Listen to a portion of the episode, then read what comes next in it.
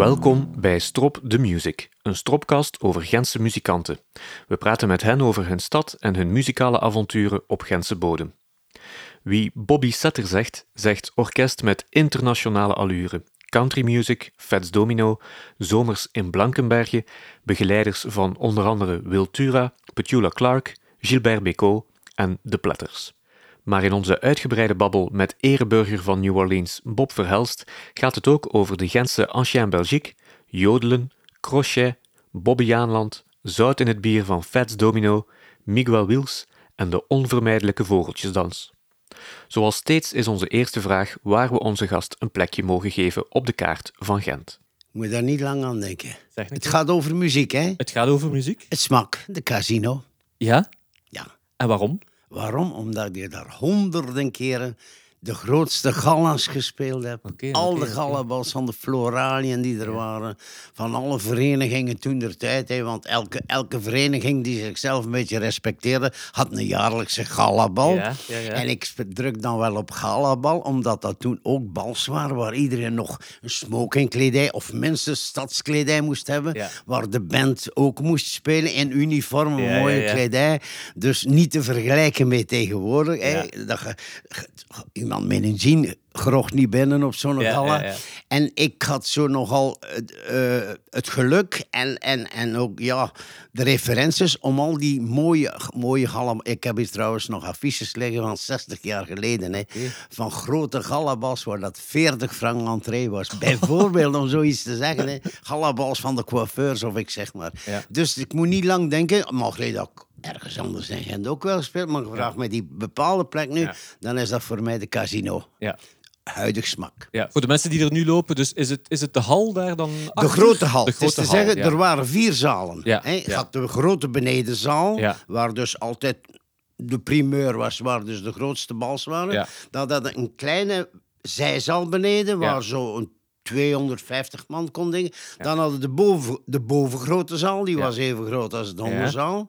En boven hadden we ook nog een kleinere zaal. Dus in feite waren er vier zalen. En ik heb heel dikwijls meegemaakt op grote feesten, zoals Floraliën of eindejaarsfeesten en zo, dat er vier orkesten zaten te spelen. Hè? Want het was nog voor de DJ eigenlijk, waar ik nu van spreek. Het is wel gekomen met DJ ook dan. Maar ik heb bepaalde momenten geweten, of jaren geweten, dat we met vier orkesten zaten te spelen. Amai, ja. En de die die dan naar boven moesten met de trappen, die waren niet zo blij als de die die beneden Die mochten beneden spelen. mochten Ja, ja. spelen. Ja. Ik wil dan wel eventjes naar uw eigen eh, allerprilste begin gaan. Heb ik dat goed gelezen dat we over het gezegende jaar 1939 spreken? Dan ben ik geboren. Dan bent ja. u geboren. Ja, Ja, ja. Waar bent u precies geboren? Ik ben geboren op een heel mooi plekje. En, en dat is eigenlijk uniek, want dat huis waar ik geboren ben, dat was een hoeve, een, een boerderij in de Nazaretse bossen. In de bossen van Nazareth, aan de achterkant van waar nu Van der Valk is. Dus ik ben in het midden van de Nazaretse bossen op een boerderijtje geboren. En godzijdank, ik ga daar nog af en toe en dat is nog exact hetzelfde. Ja, het is bijna niet te geloven na meer dan 80 jaar dat dat nog hetzelfde is. Ongelooflijk. Ja. Heeft u daar een muzikale herinnering? Hoort u of ziet u daar iets van Eh, herinnering die nee, met daar niet. Weet, ik zal het uitleggen. Mijn, mijn vader was een veehandelaar en Mhm. ik had nogal wat broers en zo. En dat zat, dat zat in de sector van de veehandel en van de landbouw en zo. En toen mijn oudste broer wat ouder werd, ehm, dat wil zeggen niet zo oud, zijn, maar ik herinner mij toen ik drie jaar was, Mhm. dat mijn vader dan nog een boerderij bijnam. Om, dat, om voor te uit te breiden. En dat was in het centrum van de Pinte. In het centrum van de Pinte. Ja. En eh, dat, was, dat was een kleinere boerderij. En ik ben dan met mijn ouders eigenlijk en met mijn zuster naar de Pinte gaan wonen. Maar ik travelde over en weer tussen die twee boerderijen. Maar eigenlijk, de, de, de verste herinneringen qua muziek, die komen wel toen ik al in de Pinte zat. Ja. Wanneer kom je voor de eerste keer in Gent bijvoorbeeld? Voor de eerste keer in Gent Ja. dat ik kom.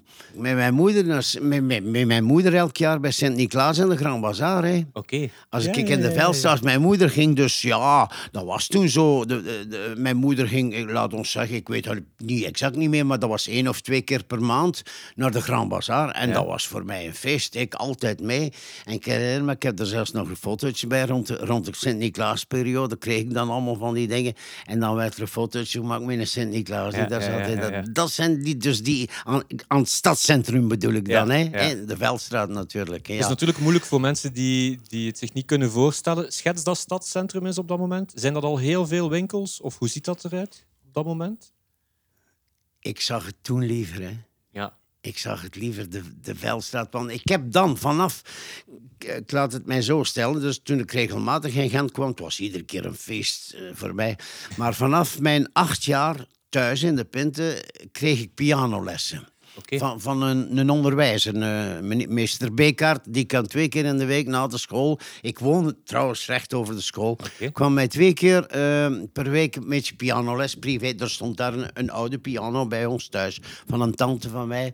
En daar heb ik mijn eerste noten leren op spelen door die meid. Maar nadien, dat, toen ik dus 12 jaar was, ik ben dan eerst vier jaar misdienaar geweest in de Pinten, van mijn acht jaar tot mijn 12 jaar. En na, na die studies ben ik naar Gent gegaan. Om te beginnen, Saint-Paul. In de Smitsenstraat. Oké. Het klein Saint-Paul, zeiden ze dan. De Ja. oudere Gentenaars gaan dat weten. Want het gaat nog een Saint-Paulus instituut in de Patentjestraat. Maar ik ging naar de Smitsenstraat.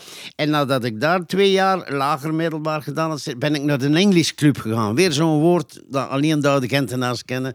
Het PHTI in de... In de, in de ja, de- dus dat noemden zo. Hè. Ze zeiden de English Club, maar dat was Provinciaal Handels- en Taalinstituut.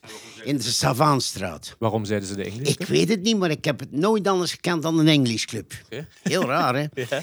Dus dat heb ik afgewerkt. Maar ondertussen ook weer al lessen gevolgd, privélessen, plus conservatorium. Dus ik was gehecht aan Gent. Ik was, er was, ik, ik kan dat eerlijk zeggen, tussen mijn, laat ons nu een keer zeggen, tussen mijn 15, 16 jaar en, en tot, tot mijn 3, 24 is er geen dag geweest dat ik niet in Gent was. Ja, tenzij dat ik ergens... eh, maar ik was zeer, zeer gehecht aan Gent.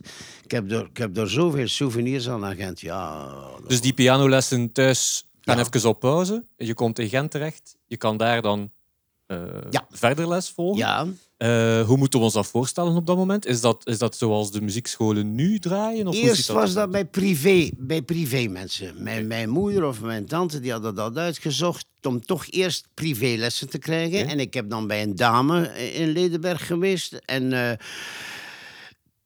na die privélessen heb ik zelfs eerst ook nog een beetje muziekschool gevolgd. Ook in Ledenberg, maar ook in Gentbrugge. Ja. En in Ledenberg was dat bijvoorbeeld voor- solfège en voor de muziek. Maar in Gentbrugge had ik een kameraad, ook een echte Gentenaar, die een orkest had. Frank, eh, Frank Milton, ja. Dat zal Ah, ja? misschien nog iets zeggen. Dat Van de was- big band? Ja. Voilà, dat was Ja, mijn kameraad. En die, speelde, die leerde trombone in Gentbrugge. En ik was ook... En trombone, dat is een instrument die aan de vaarsleutel staat. Nogal Mhm. liep. En ik was gek op contrabas. En ik ging met Frank mee les gaan volgen dan in Gentbrugge. Hij, hij trombone en ik contrabas. Oké. Omdat, zodoende, want Frank had ook heel jong een eigen orkest. Hè? Ja. Ja, dat, speelde, dat speelde in de Vooruit op de vrijdagmarkt bijvoorbeeld.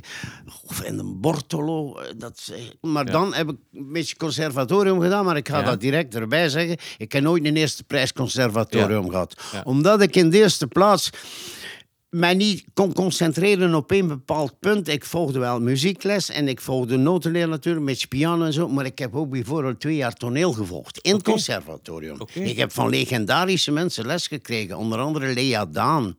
Daar heb ik les van gekregen. Ja. Mhm. En Frans Roggen, dat was toneel. Dus eh, ik heb toch... Allee, daar ook, dankzij mijn uitspraak, aan mij kunnen ze, als ik wil, niet horen dat ik een Gentenaar ben. Ja, ja, ja, ja, ja, ja, ja. En gelukkig af en toe wel.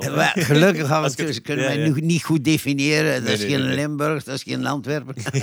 Is er ook veel ehm, eh, beleving in Gent? Ga je alles, zie je alles een concert? Ga je naar theater bijvoorbeeld? ik zat overal. Ik zat overal. Ik, al, die, al die films, de Century, eh, op, alle, alle films met John Wayne en zo. De Ancien Belgique. Ja, ja, ja. Ik Vertel, heb in de Ancien Belgique als klein jongetje ja, vertel waar die was, want veel mensen weten dat niet. Waar, waar was die De? Ancien Belgique was waar nu die winkel is in de Velstraat. En je ziet nog het balkon. Ja. Maar ik weet niet welk merk. Waar, waar je veel snoepjes kan kopen en badproducten. Ja, en- voilà, ja, ja, ja, En ja. dat was, dat was de beroemde Ancien Belgique van Ja. Gent met elke week. En daar kwamen heel grote vedetten. Hè. Daar kwamen toen der tijd vedetten.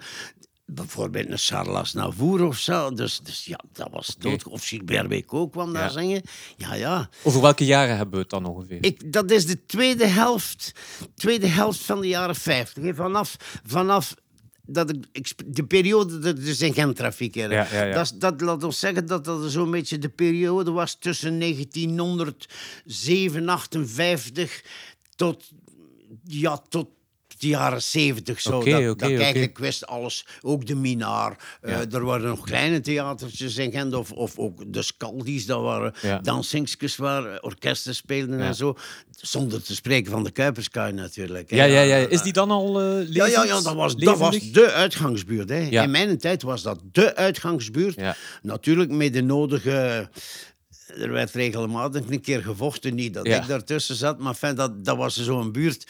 Had een reputatie. ook. Ja, ja, ja. ja, ja, ja. al- Alhoewel dat, dat er nu veel gevaarlijker dingen zijn. Maar fijn, ja. absoluut, absoluut. Ik ben wel benieuwd, want we zitten daar aan het eind van de jaren 50. Dan komt er natuurlijk muzikale ganse revolutie op ons af. Eh rock en roll en we gaan naar de beat enzovoort. Merk je dat in Gent? Die heeft mij beïnvloed. Hè. Die heeft u gebeten, Ah, die ja, micro. die heeft mij geweten, laat het zo stellen. Kon, kon je even heel terug gaan. In het begin, als ik dus begon te zingen, al, als klein jongetje, dus Ja. het was eerst de muziekles, maar ik ben eigenlijk dan begonnen als klein jongetje, als zangertje. Oké. Want dat zijn we voorbij gesprongen en dat is wel heel belangrijk. Ik kon dus goed jodelen. Je weet, Oké, ja, in die periode, Bobby Schoepen, dat was de, de vedette in België van Voilà. die jodel- en cowboyliedjes. Zelfs Ja. Amerikaanse nummers die vertaald werden naar zo. Liedjes van Stephen Foster, dus die, die oude, oude echte country songs. Ja. En eh Bobby Schoepen, dat was mijn idool. En ik kon een beetje jodelen. En ik begon dus te zingen in een zangcrochet. Ja. Dat is een zangcrochet, dat is het toen woord voor nu The Voice. Voilà. Of de, de, eh, de Soundmix track. Ja. eh, De X-Factor, de. X-Factor, Ja, ja. Talent, noem maar allemaal op. Dat heette dood gewoon een zangcrochet. En ik zat eraan en ik moet zeggen, met mijn gitaarkanaal, want ik kon ondertussen ook al een beetje gitaar geleerd. Daar sla ik ook over, mijn beroemde Gentse gitarist, Mark Otte. En dat, was, eh, ja, dat was een, toen der tijd een van de, de betere muzikanten die mij gitaarles gaf. En zo, zodoende was ik dus ook heel veel in Gent. Ja. En als klein jongetje won ik eens een, op de Radio Kortrijk, want ze noemden dat nog Radio Kortrijk, Ja. noem ik eens- won ik eens een zangwedstrijd. Hoe oud was- ben je dan? Ik ben dan 14 jaar ongeveer, als ik die wedstrijd win. Ja. Maar ik had een voordeel, want ik ben heel jong, heel lang kind gebleven. Ik heb eigenlijk bijna tot mijn 16 jaar mijn kinderstemmen gehouden. Als, Ja, als ik ja, zong aan ja. 16 jaar, was dan nog precies een manneke van 12 jaar. Ja. Dus dat was een beetje een voordeel. En dat was een crochet op de radio, een programma dat gemaakt werd door Wil Verdi. Elke woensdagavond, Weg met de Zorgen noemde dat. Eh, Wil Verdi, Roger Berry en zo meer. Want Peterken en PP en Ja. Peperke en Marietje, dat waren legendarische figuren. Dat was en toen. Wil Verdi en Roger Berry, de vader van Danny Sinclair. Ja, ja, ja. Die woonde zelfs in de Van Hultenstraat, dus ik weet nog allemaal goed. En Wilferdi ontdekte mij op, in dat radioprogramma toen ik dat gewonnen had, die zangwedstrijd. Mhm. En heeft ervoor gezorgd dat ik twee platen heb kunnen maken. Toen, Mooi. op heel korte tijd, 78 toerenplaten, die ik hier nu nog altijd liggen heb. Mooi. Met nummertjes die hij geschreven had. Ja. Bijvoorbeeld, als ik groot ben wil ik een jodelaar zijn. Ja. En dan jodelen en fluiten. En heeft dat ook samengeschreven, Wilferdi, met Kerima. Kerima- Marike. Marike, voilà. Ja. Dus Kerima, dat was een hele charmante Antwerpse vrouw. Dus Ja. Die de grootste hit ooit van Vlaanderen geschreven heeft. Mensen weten dat niet, maar van haar is Eenzaam zonder jou. Ja, absoluut. Dus Ja. Marieke heeft nog voor Eenzaam zonder jou voor mij liedjes geschreven. En ik heb die bakkelieten platen hier nog liggen. Dus om maar te zeggen dat ik mij Gent... Dus ik zat dan ook onder de hoede van Wilferdi Ja. qua management. Of qua, want die man dro- droeg zorg van mij. Hij zag mij nog ook altijd als een kwetsbaar manneke. En zo. En ik heb altijd heel mijn leven lang eh, alles te danken... Enfin, alles niet, maar heel, zoveel te danken gehad aan Wilferdi. Mooi. Zelfs qua opvoeding. Het beleefdheid en zo. Ja, ja, we gingen op tournee en zaten er wat mu- oudere muzikanten bij. En er werd alles wat vuile praat verteld. Verstond ik dat allemaal wel. Maar wie zei, jongens, jongens, Bobke zit hier. Hè. Ja, dat is mooi. Zo'n beetje. Maar ik ben die mensen zo eeuwig dankbaar geweest. hè. Waar moet je in die tijd naartoe om die platen op te nemen? Decca Oké. in Brussel. In Brussel, Eh, ja. Of zo. Ja, beroemde, beroemde studio Decca. Ja. Want Decca was een wereldmerk. Hè. Ja, ja, ja. ja, ja, ja, dat was in Brussel. Wanneer komt het moment dat je beseft of dat mensen rondom u beseffen van ja, eh, dit wordt een job voor Bob? Ik denk dat ik altijd gedacht heb dat dat mijn job was. Ja. Maar, dus ik, ik, ik heb de, eh, school gedaan, eh, PhD, dat ja. een Engelsclub. Ja, en ja, ja, ja. Nee. En dan? En ik, ik wou zingen, maar ik kom dus uit een familie van, van veehandelaars en boeren. Dus een totaal andere stijl. Alhoewel dat ik moet zeggen dat mijn moeder en mijn, mijn, mijn vader ook trouwens mij oneindig gesteund hebben. Maar toch was die twijfel daar. Aan 17, 18 jaar, maar Bobke, dat zingen dat gewoon niet blijven duren. Dat, Ja. dat, dat, dat, dat is voorbijgaand. Wat eigenlijk met je logisch is, hoe dat die mensen dachten. Ja. Want dat was nog niet like nu. En eh, ik had een kameraad... En eh, dat was een coiffeur. En die was, da, die was herencoiffeur in, in, in Gent. En, en, en zo stom toevallig zeg ik... Wel, weet je wat, ik zal, u, ik zal uw coiffeur worden. Hè. En dat is het enige diploma dat ik ooit gehaald heb, damescoiffeur. Maar, Ja, je zou dat nu niet zeggen. Ja? Ik deed dat omdat ik moest, maar ik heb dat wel in Brussel gedaan. Ook Ja. weer, eh, dan, dan schoof ik al op naar Brussel. En ik heb mijn diploma gehaald van damescoiffeur. En ik was een goede damescoiffeur, al zeg ik dat zelf. Want ik heb toen gewerkt bij de legendarische Carlos de Tremery. In de Burgstraat. Carlos de Tremery was de grimeur van de Vlaamse televisie. Dus dat was een grote meneer.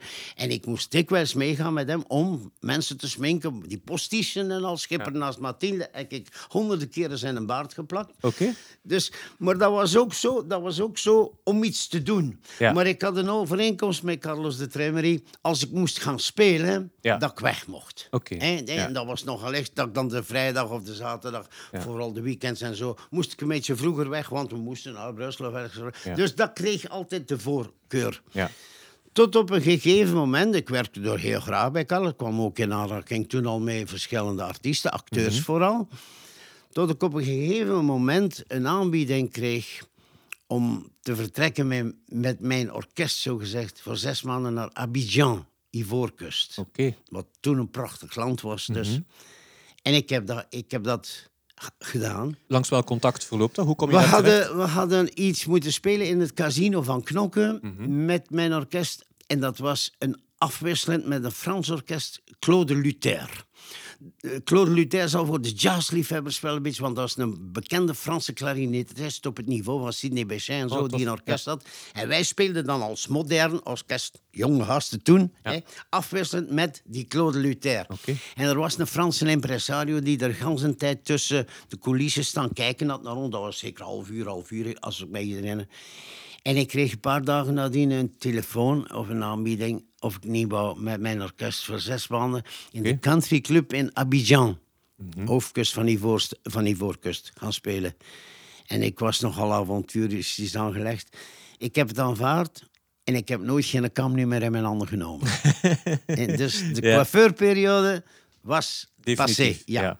Maar het was ook zo dat er dus geen enkele van die muzikanten toen Mhm. wilde meegaan. Zes maanden naar Abidjan, dat was, dat was niet in. Wat heb ik gedaan? Ik heb mijn nieuw orkest gemaakt met nieuwe jonge muzikanten. Ja.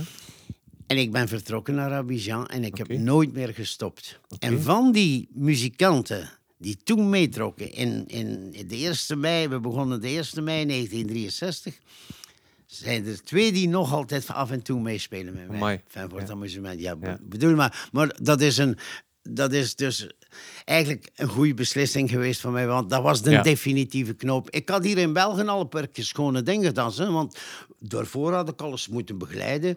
Eh, Petula Clark en zo, die toch Mooi. ook al vedetten waren. Ja. Nu is dat natuurlijk zo. De artiesten komen toe met een stikje, USB-stikjes, naar 1200 begeleidingsjes op. Ja. En ze kunnen zij vier keer op een avond. Maar in mijn tijd werd een zanger begeleid door een orkest. Ja. Ook hetzelfde weer in Ancien Belgique zat altijd eerst en vooral een goed orkest. Ja. En dan de artiesten. Hè. Ja. Dus, en wij moesten Petula Klaar begeleiden. Dat was natuurlijk wel een uitdaging.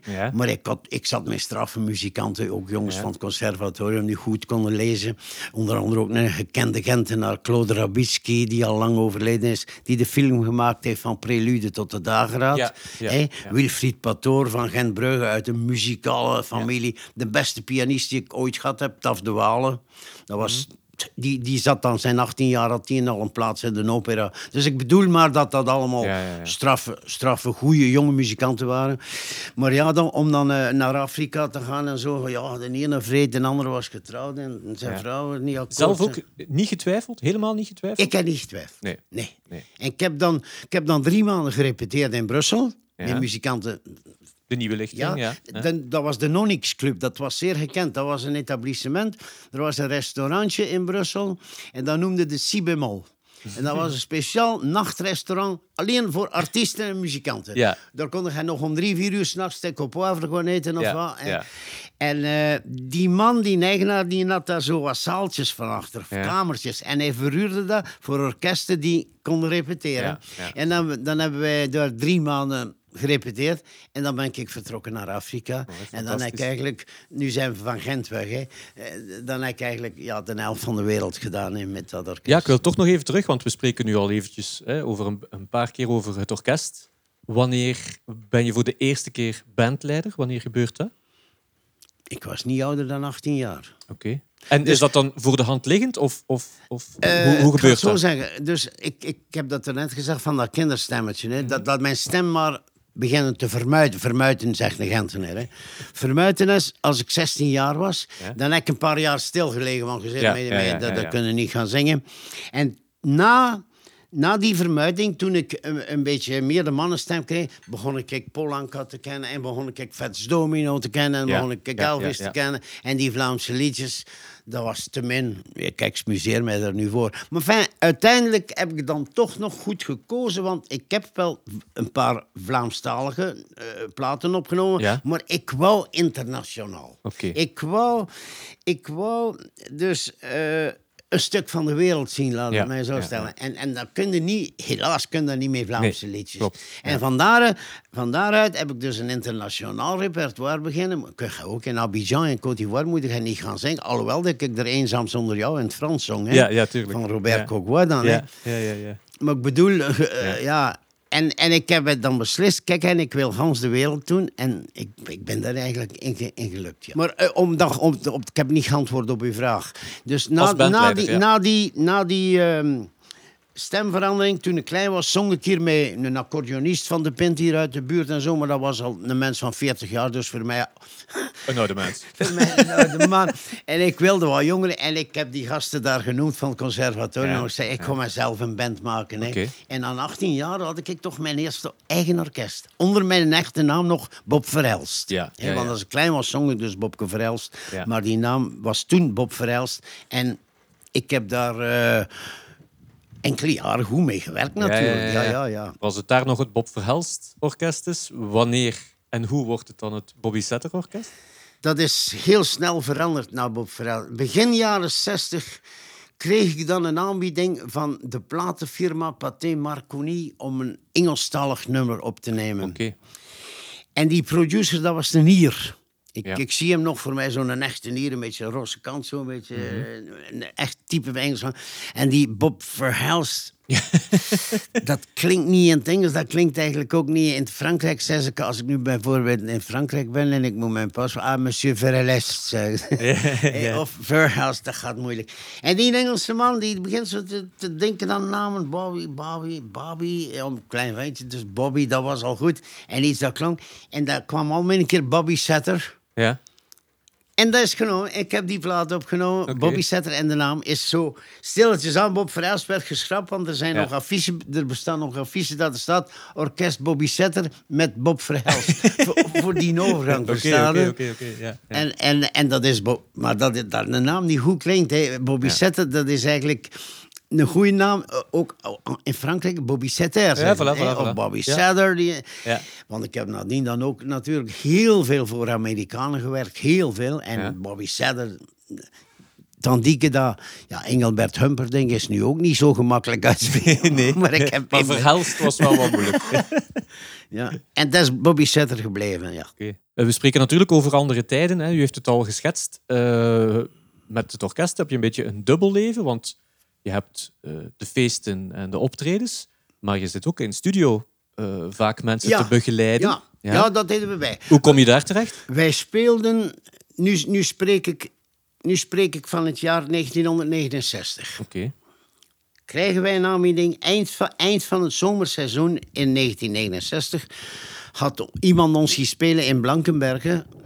Guske Lancier noemde die ook iemand. En die was zo'n beetje de, een scout voor artiesten in Bobbejaanland. Oké. Dus je weet, als ik klein was, was Bobbejaan mijn idool geweest, Ja. mijn afgod. Ja. Het jodelen. En die komt, die komt op een gegeven me- moment bij ons en hij zegt: Je zou dus bij Bobbejan moeten gaan. Bij maar dan was, ik- dan was, weet je wat, ik was dan al overgeschakeld op Vets Domino en op. ja, ja, ja. dus Maar fijn, ik ga daar naartoe en Bob zegt, zegt de Bob- Bobbejan, zegt: Ik heb gehoord van Guus dat hij een formidabel orkest had, dat ik al veel country speelde en zo, wat dus ook waar was. Zou hij hier niet het huisorkest willen worden? Oké. God, maar ik speelde ook graag in Blankenberg aan de Zee, omdat dat ook een beetje normaal is. Ja. En ik ga zeggen, Bobbiaan heeft mij dan een offerte gedaan om gans het jaar door eigenlijk beschikbaar te zijn. De zes maanden zomer, 24, eh 7 op 7, alle dagen Ja. spelen. En ik werd het huisorkest van Oké. en de begeleidingsband van Bobbejan Schoepen. En we moesten dus af en toe naar de studio. Dat was toen de studio van de Jokers in Welle. Ja. En dan ooit gehoord ge- de groep de Jokers. Ja, ja, absoluut. Dus die moeder Ja, had- was nogal goed, eh, zat nogal goed in de portemonnee. En die bouwde een studio voor haar. zo. En dat werd dus Joker Studio. Ja. En dat was, dat was eigenlijk heel tof werken daar. We moesten er begeleidingen inspelen voor Bobbiaan. En op een gegeven moment is daar een producer, een legendarisch producer, Louis van Rijmenand. Ja. Die dus die plaat voor Schoepen produceerde. Hij zegt, Bob, jongen, waarom neem je gewoon met, met je orkest keer geen, geen, geen, geen LP op? Hè? Ik, spreek nu, ik spreek nu 1970. Hè? Ja, Louis, we, we hebben dan nog... We, ik, zat, ik had geen platenmerk ons, want na Ja. die kinderstem had ik geen platen meer gemaakt. Ja, ja. En Louis zegt, we gaan dat opnemen, je moet, en je mag meekiezen in het repertoire. Dus ik mocht, het was niet dat ik moest nummertjes en opdracht. Ik mocht spelen wat ik graag speelde. Ja. Want ik, onder andere, dus ik herinner mij dat daar zelfs een paar nummers van Jim Reeves bij zaten. Ja. Dus we mochten die twaalf nummers spelen. En zo heb ik mijn allereerste LP gemaakt van 12 of 15 met, met Louis van Rijmenand. En eh, zo hebben we onze eerste platen gemaakt, ja. Tof. Als, als orkest dan. Ja, ja, ja, ja. Bij uh, hoe lang zijn jullie daar?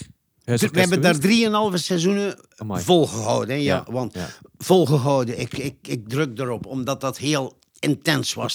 Ja. En dat je ook, eh, bleef op diezelfde plaats een beetje verankerd. Ja. Je kon niet meer weg en eh, Ja. dat begon te wringen bij mij. Ja. Want op dat ogenblik, in de winter dan vooral, speelde ik ook heel, heel veel. Ik was het huisorkest tegelijkertijd dan in de shape voor de Amerikaanse basis, hè, de. NAVO. Hè. Ja, ja, ja. En dat stond mij meer aan. En ik heb dan... in- in, in, in, in- in orde afscheid genomen van Bobbiaan. En, Ja, ja, ja, ja. en met, nog altijd met dank, maar dan, pff, dan zijn wij voor die Amerikanen beslist. Dat was een evolutie, onvoorstelbaar. ja, ja. Wij, wij kregen daar de titel mee van de Belgian Band, with the American Sound.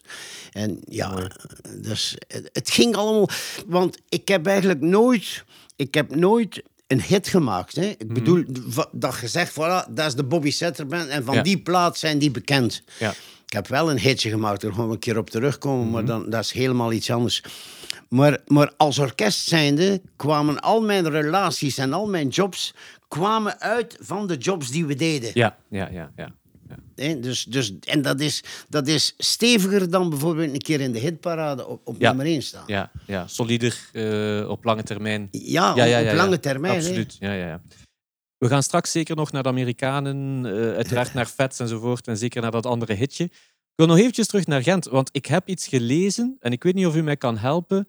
Het zegt mij persoonlijk niets en ik weet niet of, of, of, of het klopt en ik weet niet of het in uw verhaal te pas komt. De Chalet du Sud. Tuurlijk. Vertel mij alstublieft wat dat is. De Chalet du Sud, dat was toch het uitgangspunt van de elite, van de chiquet, van de... Dat stond...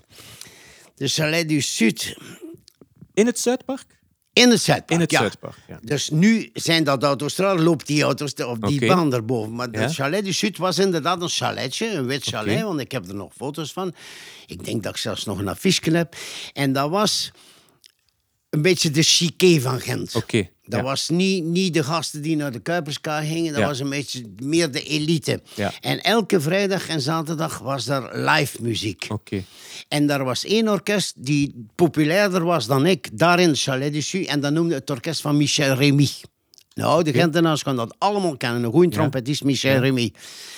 En gaat dan nog een orkest van Brussel en ikzelf speelde daar. Ja. Ook op die verandering van Bob Vrijls naar Bobby Setter, die periode. Ja. En dat was de Chalet du Sud, dat was de, de, de, de dansing van Gent, maar Ja. dan van de... Ja. Ja, ja.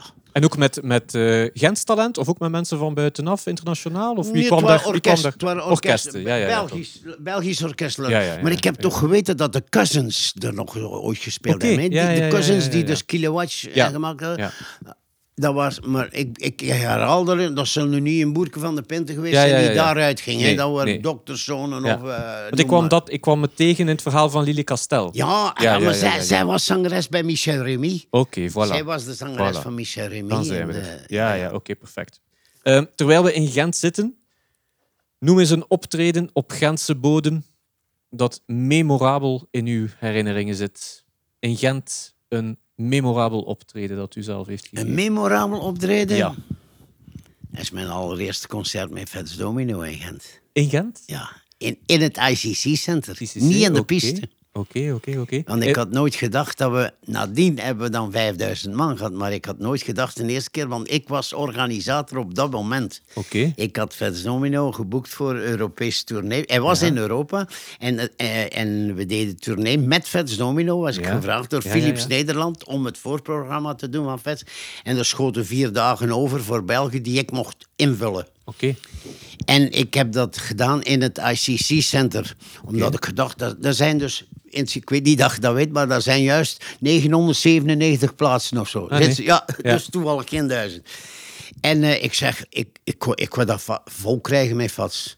Wel, jongens, toch. De dochter van Tom Simpson, Joan, Ja. die een vriendinnetje was van mijn dochter dan, die, die, die, die studeerde gravure voor affiches, layouts te maken. En Johan maakte mij een affiche van Fats Domino in, in het ICC-center, Bobby Setter Band. Op drie dagen, op drie dagen, de, de affiche hebben we hebben ze niet moeten uithangen, zat, was dat uitverkocht. In welk jaar zitten we dan? Nu zitten we in, ik denk 82 of 83. Oké. Ik zou Is, het moeten nachecken. is dat de start van het eh, vriendschapsverhaal ook met Vet? Nee, het- Of de start, van de start van het vriendschapsverhaal is gebeurd toen wij een maand zaten te spelen in het Hilton Hotel in Berlijn in 1974. Oké. We zaten met de band, huisorkest Hilton Hotel, Berlijn.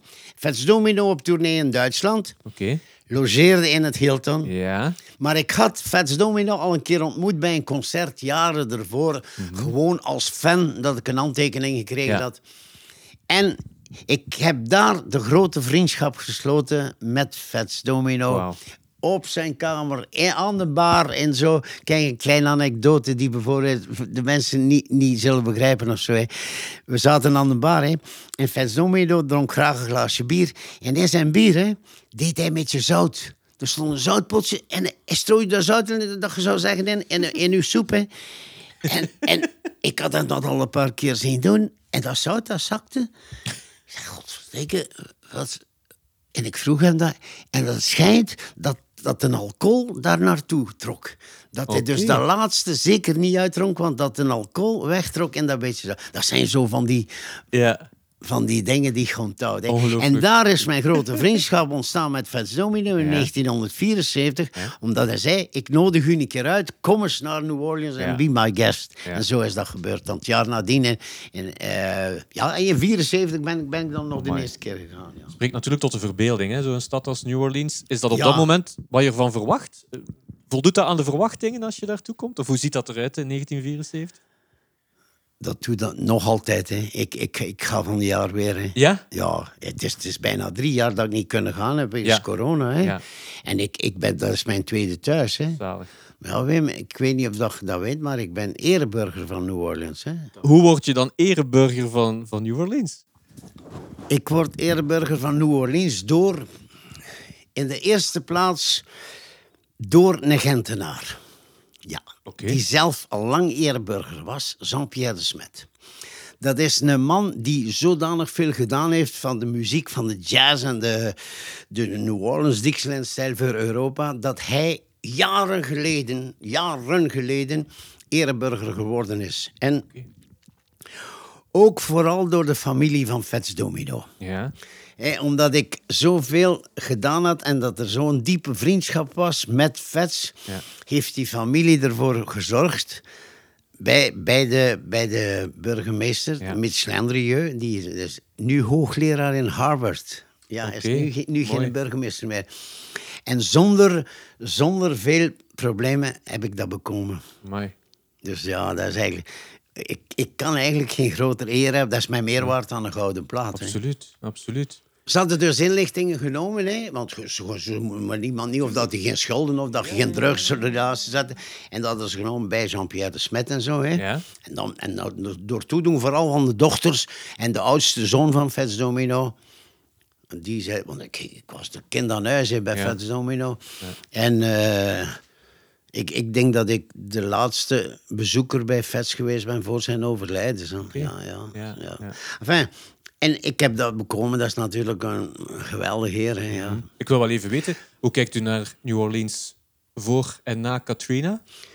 En wel, ik, ik, ik zag het liever ervoor natuurlijk, Ja. omdat er veel verdwenen is. Maar de côté dat ik doe, dus de French Quarter, en waar ik mij thuis voel en waar Ja. ik zelf zou willen wonen, dat is weer hersteld. Oké. Ja, En, en er is heel weinig veranderd qua eh, van bouw en zo. Ja, Want ja, New Orleans is eigenlijk een stad die gesplitst wordt door Canal Street. Mhm. En Canal Street dat is zo'n kleine Champs-Élysées, iets Mhm. kleiner dan de Champs-Élysées. En ik zeg nu maar bijvoorbeeld aan de, aan de oostkant is dat al industrie en moderne hotels en, en bolkenkrabbers. En links zit je in de Vieux Carré. Ja. In de French Quarter daar gaat jij 200 jaar achteruit. En het is daar dat ik altijd zit. Ik ga nooit naar de overkant van de straat. Alleen bij manier van spreken. Hè. Is daar nog altijd evenveel live muziek ook, Och, elke dag? Ja. Kijk, Karin, mijn dochter, die vertrekt nu weer eind juli naar Ginder voor een maand. En die zit te wachten, want we hebben er ook heel veel vrienden al door de jaren heen. Uh-huh. Allemaal muzikanten. En Wim was zo speciaal in zijn. Elke muzikant of elke mens die in de muziekwereld zou willen, moet eens naar New Orleans gaan. Ja, ja. Om een keer de real thing te zien. Bedevaart. Ja, op Bedevaart. Ja. Niet naar het graf van Elvis, want dat is allemaal commercieel uitgebuit ja. nu. Ik ben er ook trouwens geweest, het gaat daar niet over, maar dat was in de jaren zeventig een keer dat ik in Memphis was. Maar New Orleans is nog de real thing. En daar zie je op de straat, muzikant, straatmuzikanten, hè, dat je zegt, jongens, hoe is het mogelijk? De kwaliteit en zo. Ik zeg nu niet, je moet geen blad papier, geen blad muziek voor hun neus zetten, want ze Ja. gaan niet lezen. Ja. Maar wat als ze spelen. Ja. En die bandjes die daar spelen, gevalt door van de ene verrassingen dan. Ja. Ik, ik, de verbazing. En je hebt dus natuurlijk de fameuze Bourbon Street. Ja.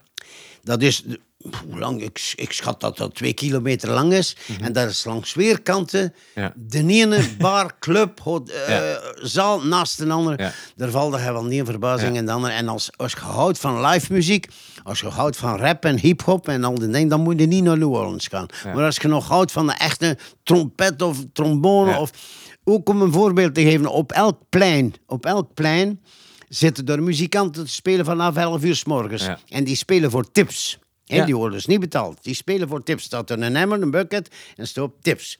En ze komen toe. Bijvoorbeeld, zeg nu, begin om, om half elf, s morgens al aan de kerk, aan de cathedral, met twee man, een trompet en een trombonist. Tien minuten later is er hier met een drums. Twintig minuten later komt er nog een gitarist bij. Allee, als je een uur later gaat, zitten ze er met 10, 12 man te spelen. En zalig. allemaal muzikanten die... Je ziet ook die muzikanten de ganse dag door op verschillende plekken. Ja. Dat is, je zou zeggen, wel een warboel, maar dat is georganiseerd. Ja. Want aan de fameuze ingang van een restaurant bijvoorbeeld Ja. zitten muzikanten, maar die mogen dan spelen van dat uur tot dat uur. Ja. Op de straat. Hè. En dan lossen ze af met een ander. Omdat dat de goede plaatsen zijn. Het is er bijvoorbeeld een wafelhuis hè, in, in, in, in, in New Orleans, waar dat de mensen, ik ga niet overdrijven, maar 100 meter in de rij staan. Ja. En daar zitten muzikanten bij. En die mensen staan er te wachten hè, tot als een plaats krijgen. En ondertussen, En ondertussen muziek, ja. hè. En die, die, en die spelen, jong, die spelen. Ik, ik ken er muzikanten die zeker 12 uur per dag spelen. Die ik op één dag zo- ken er een bassist en een contrabassist. Ik zie die Komt ne- hem overal tegen. vier keer op, op een dag. Ja. Die is bezig van 's morgens 11 uur tot 's avonds 12 uur. En, en, en, en s'avonds laat zit hij dan in een restaurant sterren met, met de smoking aan. Dus bedoel maar, maar dat zijn allemaal zulke toffe mensen. Hè. Je bent overal ter wereld geweest. Heb je ooit ergens anders ter wereld zoiets gemerkt? Hetzelfde als wat je in Nee, New Orleans nooit. doet? Nee, nooit. Want Nee. ik ben ook in Las Vegas geweest, verschillende Ja. keren. In, Ja. in de goede tijd nog. Hè. Ja.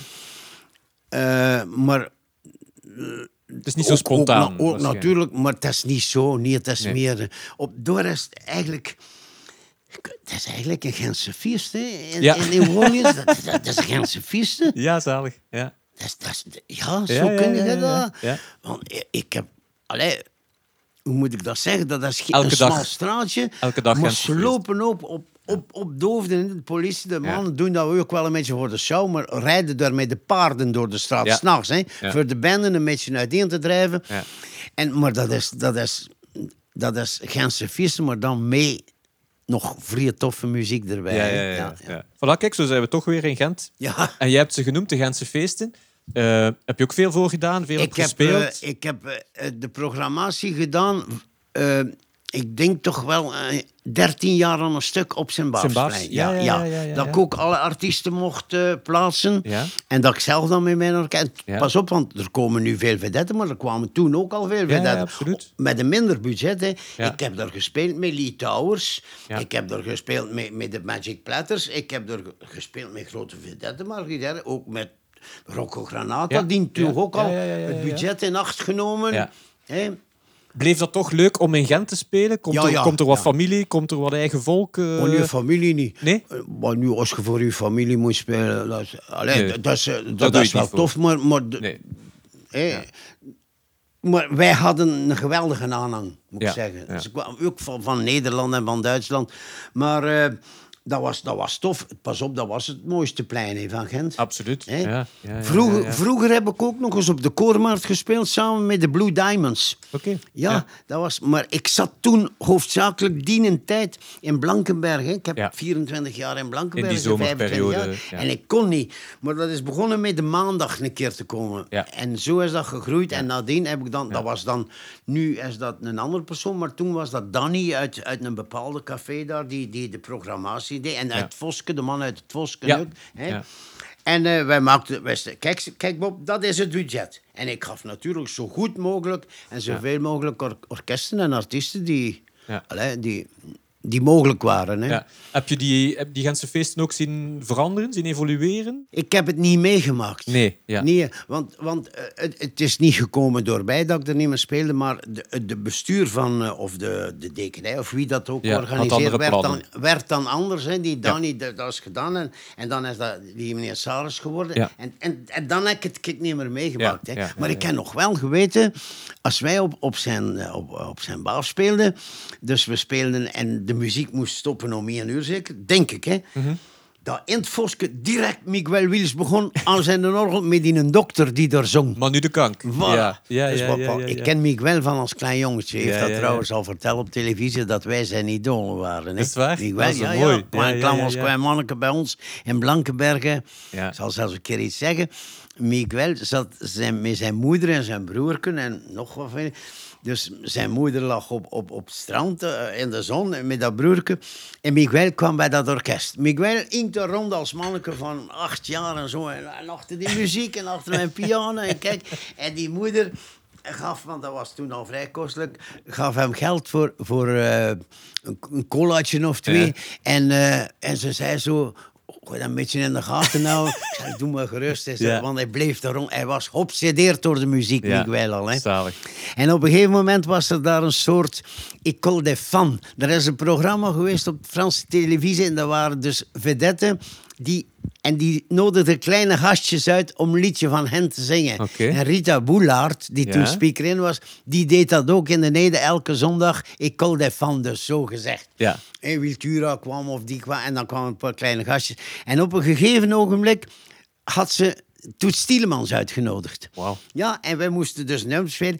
En Miguel, die ik er al dikwijls zien lopen had, komt bij mij en, en hij, hij ging zich inschrijven. Toen toen moest een keer een kleine jongens een instrumentje bespelen. Ja. En hij zei, meneer, zou ik een keer op uw orgel mogen spelen? Kan ik dan een allemaal door? Ik zei, natuurlijk, ventje, waarom zou dat niet mogen? En, en de zondag dan, in Miguel, door op mijn orgel, when de Saints gespeeld of zeg maar iets. En hij heeft dan ook die de wedstrijd gewonnen Maar fantastisch. met Toets Stielemans als.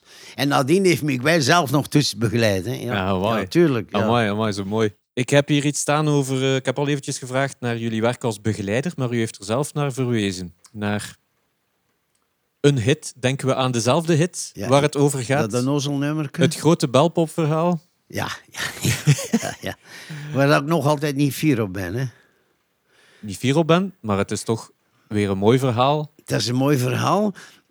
Ja, ik, ik moet eigenlijk niet meer... We, Nee. werkten dus... Ik zal het in het kort vertellen. We werkten dus voor die bepaalde Louis van Rijmenland. Die Ja. dus die fameuze kameraad van mij was, producer. Maar die, waar ik ook alles van kreeg en alles mocht doen. Dat ik wil. Hij zegt me, hij komt op een gegeven moment met mij. Hij zegt, Bob, ik ben in Zwitserland geweest. Ik heb hier iets.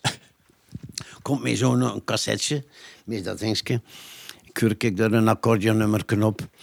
Zegt hij, ik zou willen een, een, een ding maken, ik zou willen een LP maken met synthesizer. Maar we moeten nu rekenen, we zijn in 1973. 1973, ik weet nog heel goed. De, de, de synthesizers stonden in een kinderschoenen. hè. En de, de synthesizer toen, dat was de Moog. M-O-O-G. Moog synthesizer. En in de Joker Studio was een Moog synthesizer. Zegt hij, Louis, ik zou... Luisterde naar dan ook. Hoe omrol is dat? Hè? Ja, je kunt een beetje oh, geen oogheidswaan zijn, maar denken dat het goed bent om dat te spelen. Ik zei, wat heb jij hier meegebracht, jongens? Zo'n stukskop accordeon. Ja, zegt hij, ik zou met de sinds zei ze, dat is met die klank. Wang, Dat willen we eruit halen.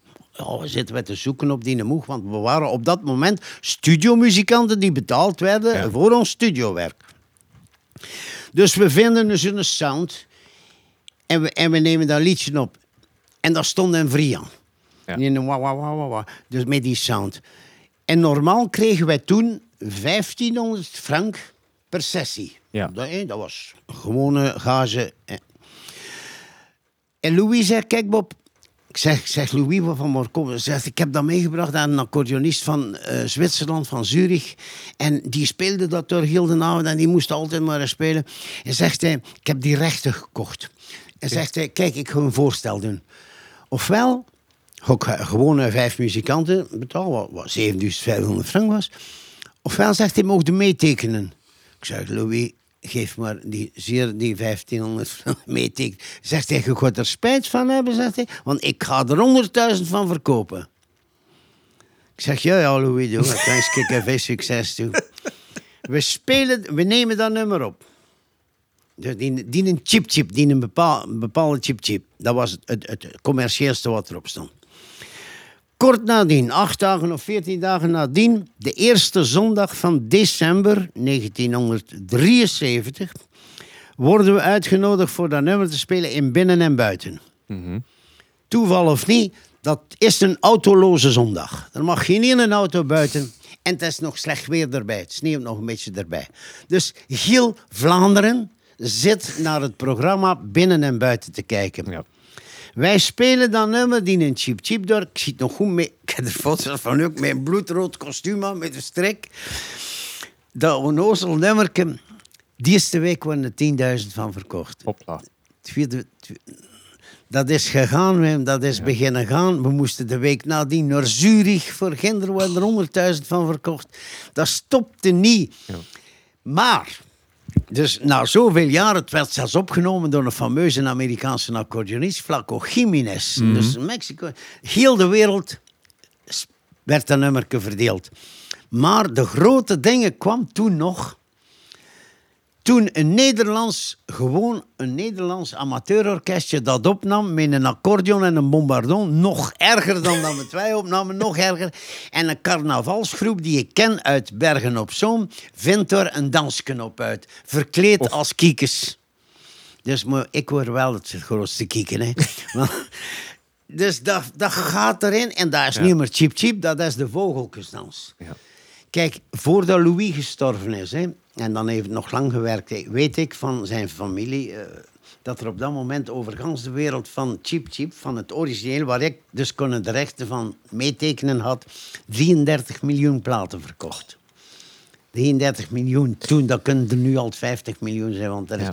er is, er is nergens op de wereld een plaats waar dat ze dat niet kennen. Ja. Zelfs in Afrika. of in, Ja. En kijk, daar heb ik dus, daar heb ik dus eigenlijk de financiële slag van mijn leven Ja. gemist. Maar, maar ik heb daar geen, geen spijt van of geen Nee. vroeging van, want ik mocht meetekenen. Ja. Maar kijk, dat was onze grootste net. En ik heb het uit colère nooit meer gespeeld. Heb je nooit de vraag gehad? ik heb het eh, nooit gespeeld. ik zei dat we het niet konden. in jouw stiel, met jouw job, heb je toch duizenden, honderdduizenden mensen beroerd en ontroerd. Wat zijn daar zo de, Ja, de mooiste ja, herinneringen of de mooiste reacties die je krijgt van mensen? Ik, ik heb zoveel mensen gelukkig gemaakt, echt waar. Ja, ik, heb, ik, ik, ik ben er eigenlijk blij mee dat ik dus een beroep gekozen heb. maar niet lachen. Ik kon even goed politieagent geworden zijn. maar, maar ik ben...